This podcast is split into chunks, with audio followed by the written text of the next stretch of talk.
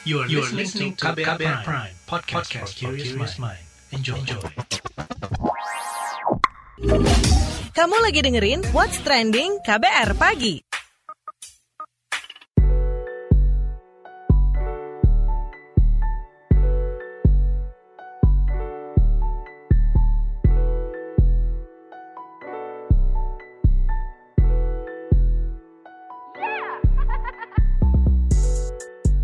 KBR Pagi, siaran pagi radio paling update. Selamat pagi, apa kabar Anda hari ini di hari Jumat 22 Oktober 2021? Kembali lagi saya Don Brady menemani pagi hari Anda semuanya.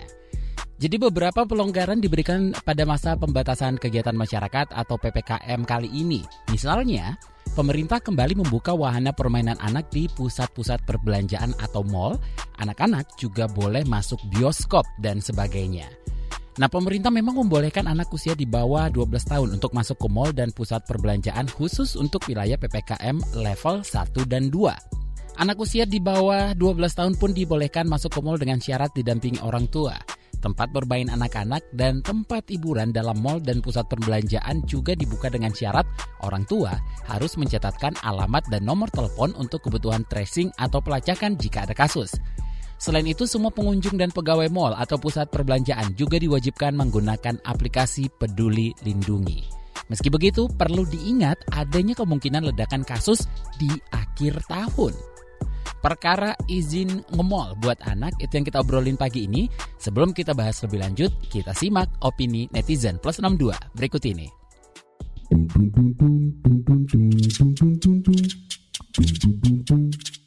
Pertama akun @jhadu. Anak-anak di bawah usia 12 tahun sudah diperbolehkan masuk ke mall. Kalau ke akun @haruniko hideo, iya peraturan baru PPKM minggu ini yang diperpanjang. Sama anak-anak kecil udah boleh masuk bioskop, pasti deh ribut plus rame. Ke akun @pjm underscore I'm here. Parah sih ini gara-gara mall udah boleh bawa bocil, langsung rame banget.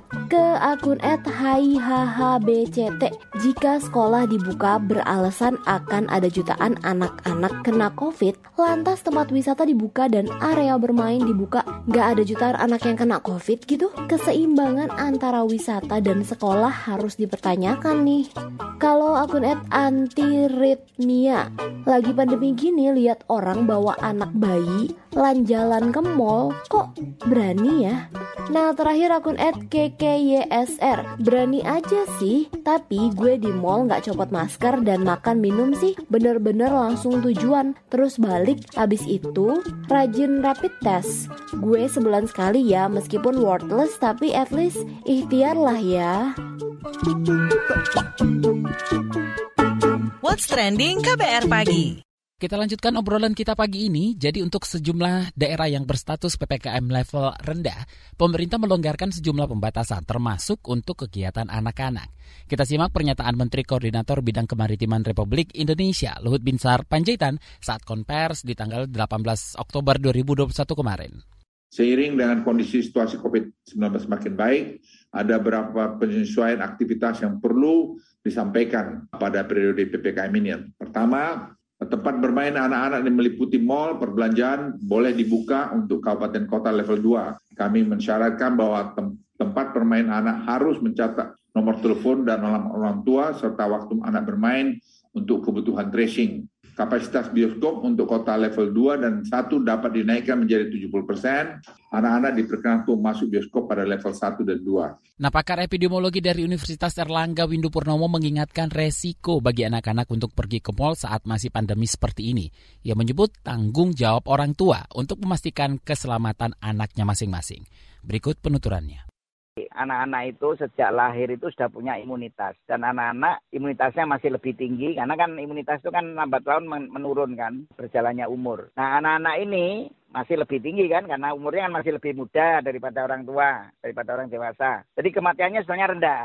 Nah jadi anak-anak itu nanti akan bisa tertular memang ketika dia dibawa ke mall, dibawa berenang gitu ya. Tapi mungkin mereka tidak akan meninggal. Gejalanya paling ya ringan atau tanpa gejala. Tapi siapa yang tertulari nanti? Ya orang tuanya yang tertular dan orang tuanya mempunyai kondisi yang lebih jelek apalagi kalau belum diimunisasi. Nah, jadi anak-anak ini justru menjadi media nanti kalau dibawa-bawa itu. Tapi mereka tetap tetap relatif lebih aman ya kan? Nah, tetapi tentu meskipun kematian rendah pada anak-anak, satu kematian pada anak pun tidak bisa ditolerir. Jadi kita tidak bicara statistik ya, tapi kita bicara manusia. Satu anak saja meninggal, meskipun kalau dilihat dari persentasenya itu kecil banget kan, karena tadi CFR-nya kan kecil ya, di bawah satu persen. Tetapi tidak boleh ada kematian pada anak. Nah, sekarang bola itu ada di tangan orang tua. Karena pemerintah kan sudah membolehkan rekreasi, untuk masuk ke mall, bahkan mallnya juga boleh membuka permainan untuk anak-anak kan. Yang harus hati-hati adalah orang tua.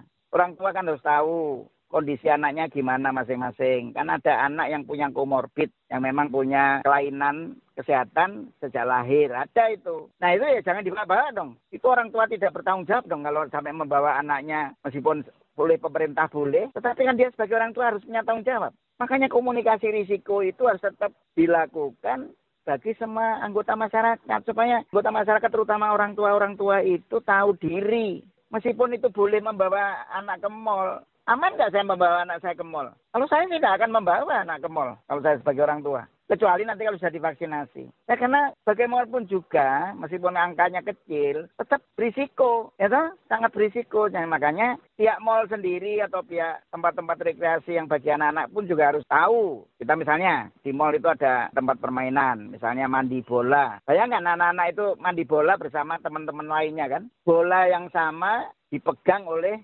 orang-orang yang berbeda-beda. Nah itu gimana bola itu? Bola itu kan bisa mengandung virus karena mungkin ada satu anak aja mengandung virus, maka dia ketika pegang bola, apalagi kemudian dia terbatuk sedikit kena bolanya, percikannya. Kemudian padahal bola itu nanti akan dipegang anak lain, anak lain tertular sudah. Jadi pihak pemilik permainan juga harus tahu, kalau perlu ada harus ada aturan ya, harus ada SOP bahwa benda-benda yang memungkinkan dipakai secara bersama-sama oleh anak-anak yang berbeda, itu seharusnya tidak boleh lagi. Permainan-permainan semacam itu tidak boleh dulu. Jadi permainan-permainan yang boleh hanya ketika memang hanya bisa disentuh oleh satu orang. Memungkinkan untuk disentuh orang lain, itu tentu sangat berisiko. Apalagi anak-anak itu sudah tidak bisa diatur kan. Yang berfungsi kan harus pemilik tempat permainan, harus tahu melakukan disinfeksi pada setiap tempat secara terus-menerus ya orang tua harus punya tanggung jawab karena ini bolanya di tangan orang tua karena pemerintah sudah membolehkan di anggota masyarakat lah ya, dan di pemilik-pemilik tempat-tempat permainan atau tempat-tempat yang bisa dikunjungi anak-anak itu itu yang harus bertanggung jawab. What's trending KBR pagi? Newsbeat. Seorang ilmuwan Amerika Serikat mencetak sejarah baru. Untuk pertama kalinya, transplantasi ginjal babi ke manusia berhasil dilakukan di Pusat Kesehatan NYU, New York City. Keberhasilan transplantasi ginjal babi ini dianggap mampu mengatasi persoalan langkanya stok transplantasi ginjal dari manusia yang masih sehat. Bagi pasien penderita gagal ginjal, keberhasilan ini bisa menjadi alternatif dan memiliki prospek pengembangan ke depan. Meski begitu, tak sembarang ginjal babi dapat digunakan. Ginjal babi yang digunakan untuk transplantasi harus disesuaikan secara genetik terlebih dahulu, sehingga resiko penolakan oleh tubuh manusia dapat ditekan.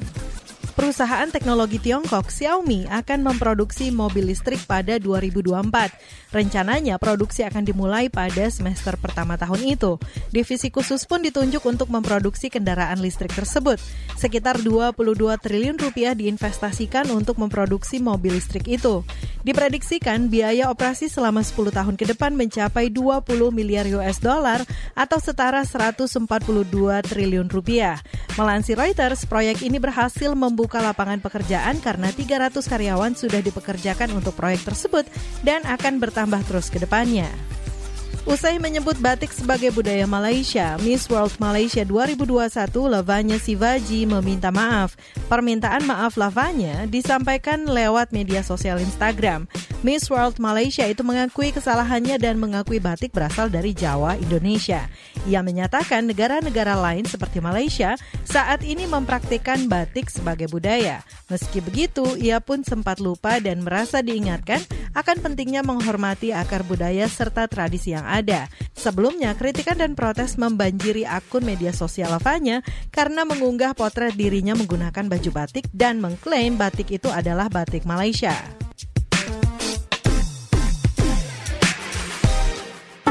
What's Trending KBR Pagi Masih bersama saya Don Brady, kita lanjutkan ngobrolin soal perkara izin ngemol buat anak. Nah, lantas bagaimana nih catatan Ikatan Dokter Anak Indonesia atau IDAI terkait pelonggaran kegiatan anak-anak ini? Kita obrolkan bareng Sekretaris Satuan Tugas Imunisasi Ikatan Dokter Anak Indonesia, Profesor Dr. Sujat Miko. Prof, bagaimana nih tanggapan Anda terkait kebijakan pelonggaran kegiatan anak seperti itu? Bagaimana risiko membebaskan anak bermain di tengah pandemi ini? Yang penting orang tuanya. Membebaskan bukan berarti harus kan? Belum kan berarti harus dia tetap harus pakai masker, jaga jarak, jangan berkerumun. Itu intinya. Mau di mana pun, mau ber, mau di mall di mana, ya membolehkan bukan berarti mengharuskan. Jadi kalau ada keperluan anak memang harus ke mall, harus tempat mana boleh. Tapi tidak berarti harus tiap hari ke mall, tiap hari tempat bermain. Enggak, kalau perlu. Dan tetap pakai masker. Kalau yang sudah 12 tahun ke atas, imunisasi. Covid-nya dua kali itu tetap. Nah kemarin ramai soal klaster PTM pada anak dan guru. Nah kalau sekolah yang menerapkan prokes ketat saja masih jebol, bagaimana dengan mall atau tempat bermain anak? Sama, prinsipnya sama. Satu, pakai masker tidak melorot. Kedua, tidak berkerumun. Ketiga, kalau bisa gurunya atau yang orang sekitarnya juga sudah divaksin, orang tuanya juga divaksin. Sama prinsipnya, di mana pun prinsipnya sama. Nah, jadi mau di sekolah juga harus pakai masker, tidak boleh melorot, nggak boleh ngobrol. Kenapa nggak boleh ngobrol? Kalau ngobrol pasti melorot maskernya. Gurunya kalau terpaksa ngomongnya panjang kan guru maskernya double, masker kain sama masker medis dalamnya gitu. Jangan lupa cuci tangan, pulang juga jangan berkerumun anak-anaknya. Di kelas nggak berkerumun tapi di hal di halaman atau di tempat dalam terjemput dalam angkotnya berkerumun ya percuma. Apalagi berkerumun maskernya dilepas nanti. Apalagi orang tuanya belum melatih sebelumnya. Di mana pun, mau di sekolah, mau di mall, di mana sama prinsipnya itu dan semua orang tua kalau sudah imunisasi di rumah supaya dia tidak menularkan ke anak-anaknya, anaknya tidak menularkan teman-teman di sekolah, tidak menularkan ke guru atau sebaliknya kalau gurunya menularkan ke murid, muridnya tidak menularkan ke orang tuanya, ya karena orang tuanya juga sudah divaksin. Itu. Orang tuanya juga kalau pergi ke luar rumah bekerja, itu satu paket, satu rangkaian tidak bisa hanya lihat sepotong di mall saja, di sekolah saya, tapi satu rumah, mall, sekolah, guru, satu-satu rangkaian yang tidak terputus. Gitu. Oke, perlukah ada aturan atau prokes tambahan agar anak-anak tetap bisa bermain dengan aman? Di mana saja resiko penularan COVID-19 saat anak-anak ingin bermain di mall atau tempat hiburan lainnya? Kalau penting boleh ke mall, kalau nggak ada kepentingan ngapain ke mall? Itu kata kuncinya. Dia, dia perlu harus beli sepatu, beli baju misalnya. Oke, ikutin semua prosedur di mall, ikutin. Setelah dapat langsung pulang, jangan berkerumun, jangan ngobrol. Udah, Sekolah juga datang untuk belajar sekolah, selesai sekolah pulang. Itu kata kuncinya itu. Di mana saja yang di rumah aja dia bisa tertular. Dari mana? Dari bapaknya yang masih sering kerja di luar rumah, ya kan? Masih di rumah, di luar rumah mungkin bekerja melorot maskernya bapaknya. Pulang ke rumah bawa virus, menularkan ke anak-anaknya. Tular belum ada gejalanya kan? Pergi ke sekolah, nularkan ke temennya. Atau waktu jalan naik angkot ketularan di angkot. Oke di sekolah enggak di gurunya enggak tapi waktu menuju pulang tertular.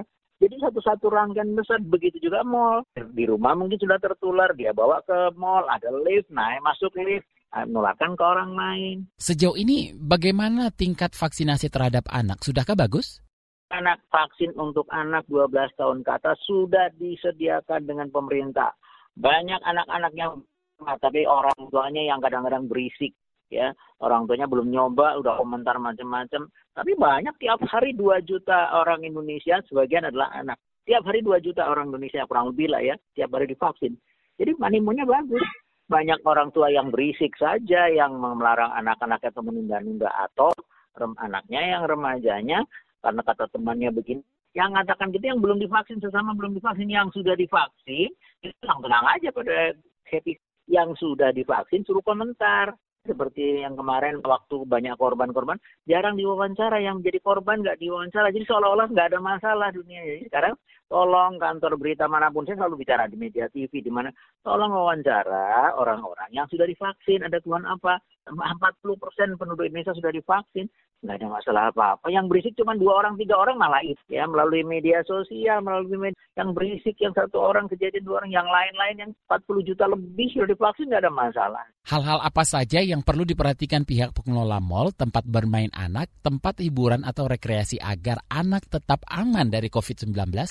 Sama prinsipnya pakai masker, jangan melorot, menutup hidung, menutup mulut, menutup pipi. Itu prinsip nomor satu. Kedua, jangan berkerumun di mana pun. Di mall juga nggak boleh berkerumun. Tetap jaga jarak, cuci tangan, hati-hati di lift, hati-hati di eskalator. Yang belum divaksinasi mendingan tidak usah ke mall. Boleh sih boleh, tapi Betul. Kan yang perlu, yang perlu pergi. Jadi kalau nggak perlu, ngapain lebih ke mall? Mau nonton TV juga ada di TV, main di rumah juga ada mainan banyak di rumah. Orang tuanya juga sekarang di rumah, banyak kan bekerja di rumah. Orang tuanya malah sibuk sendiri. Di sama aja. Apa? Varian apa pun tidak bisa menembus masker ya. 80 yang ketiga anak 12 tahun ke atas sampai lansia sampai bapak ibunya divaksin. Kenapa? Kalau anaknya aja yang divaksin, bapaknya enggak, anaknya pulang sekolah atau pulang dari main, nularkan ke bapaknya, nularkan ke nenek kakeknya. Selama ini yang meninggal sebagian besar, eh, 46 persen adalah di atas umur 60 tahun. 48 persen berumur antara 31 sampai 59 tahun.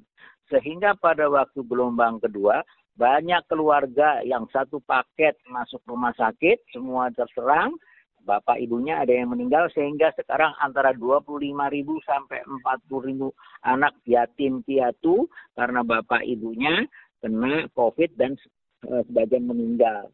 Nah, oleh karena itu tetap semuanya divaksin. Jangan cuma anaknya suruh vaksin, bapaknya enggak, dan lansianya enggak. Pengawasan oleh keluarga. Jangan ngandelin ke petugas-petugas. Kenapa petugas ngawasin segitu banyak? Nggak bisa orang keluarga masing-masing. Keluarga kalau keluarganya nggak ngawasin, kalau ada COVID gelombang ketiga jangan nyalain pemerintah. Kok rumah sakit nggak nyediain ini, nggak nyediain. Lawang di rumah di rumah sendiri aja nggak mau ngamatin. Terima kasih Sekretaris Satuan Tugas Imunisasi Ikatan Dokter Anak Indonesia, Profesor Dr. Sujat Miko. What's trending KBR pagi? Commercial break. Transfer ke sini udah, bayar ini juga udah. Ke gue udah. Heh, Allah, pertumbuhan ekonomi tuh lagi melambat, persis kayak tabungan gue. Betul banget. Harus matang ngelola keuangan. Pengennya tuh investasi sesuatu gitu ya. Apa gitu yang cocok dan menguntungkan? Hmm, coba dengerin uang bicara deh. Gue belakangan lagi dengerin podcast itu di KBR Prime. Reksadana yang tadinya 500 juta udah turun dari 250 juta sekarang 10 ribu sama kita ngopi mahalan mana ketika itu ada keputusan yang kayak begitu investor harus tahu gitu oh ada keputusan ini berarti implikasinya apa orang mungkin Perluas literasi kamu lewat podcast Uang Bicara. Uang Bicara menavigasi kamu dengan menghadirkan bahasan-bahasan seru dan populer mulai dari investasi sampai kebijakan. Dipersembahkan oleh KBR Prime dan bisa didengarkan di KBR Prime, Spotify, dan platform mendengarkan podcast lainnya. KBR Prime, podcast for curious mind.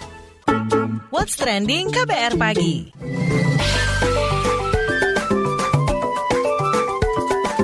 WhatsApp Indonesia. WhatsApp Indonesia dimulai dari Jakarta. Komisi Kepolisian Nasional atau Kompolnas mendorong Mabes Polri mempertegas sanksi bagi anggotanya yang melanggar aturan. Menurut juru bicara Kompolnas, Pungki Indarti, sanksi yang selama ini dijatuhkan sering kali tidak memberi efek jera. Pungki menyebut, di beberapa kasus polisi yang sebetulnya berpotensi melanggar pidana justru hanya dikenai sanksi etik. Padahal kepolisian juga harus tunduk pada peradilan pidana sipil.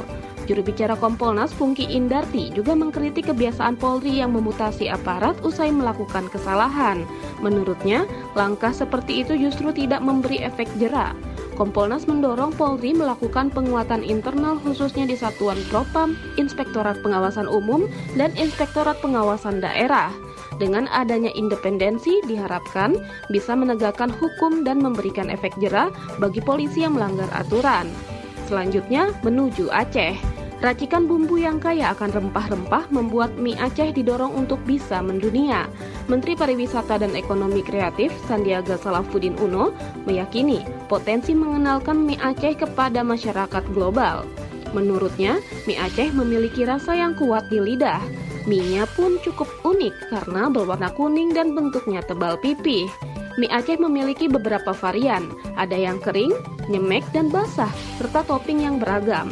Ada telur, daging, udang, dan bisa disesuaikan dengan selera. Menparekraf Sandiaga Uno mengatakan, masakan khas Indonesia yang berbahan dasar mie masih sedikit. Hal ini berbanding terbalik dengan banyaknya makanan berbasis daging yang sudah banyak seperti rendang, soto, sate, dan lain sebagainya. Masih sedikitnya makanan Indonesia yang berbahan dasar mie inilah yang membuat mie Aceh memiliki prospek go internasional.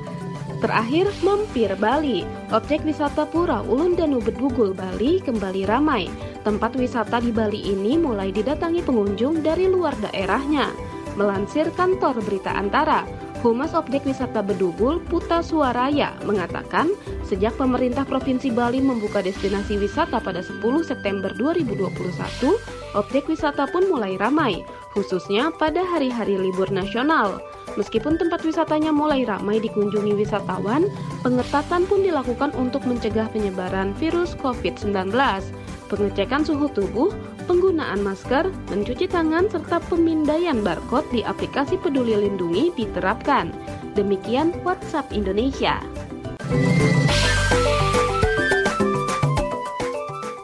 Demikian KBR Pagi hari ini. Jika Anda tertinggal siaran ini, Anda kembali bisa menyimaknya di podcast What's Trending yang ada di Spotify, kbrprime.id, dan di aplikasi mendengarkan podcast lainnya. Don't beri undur diri. Kita ketemu lagi hari Senin. Have a nice day, have a nice weekend. Stay safe. Bye-bye. Terima kasih ya sudah dengerin What's Trending KBR Pagi. KBR Prime, cara asik mendengar berita. KBR Prime, podcast for curious mind.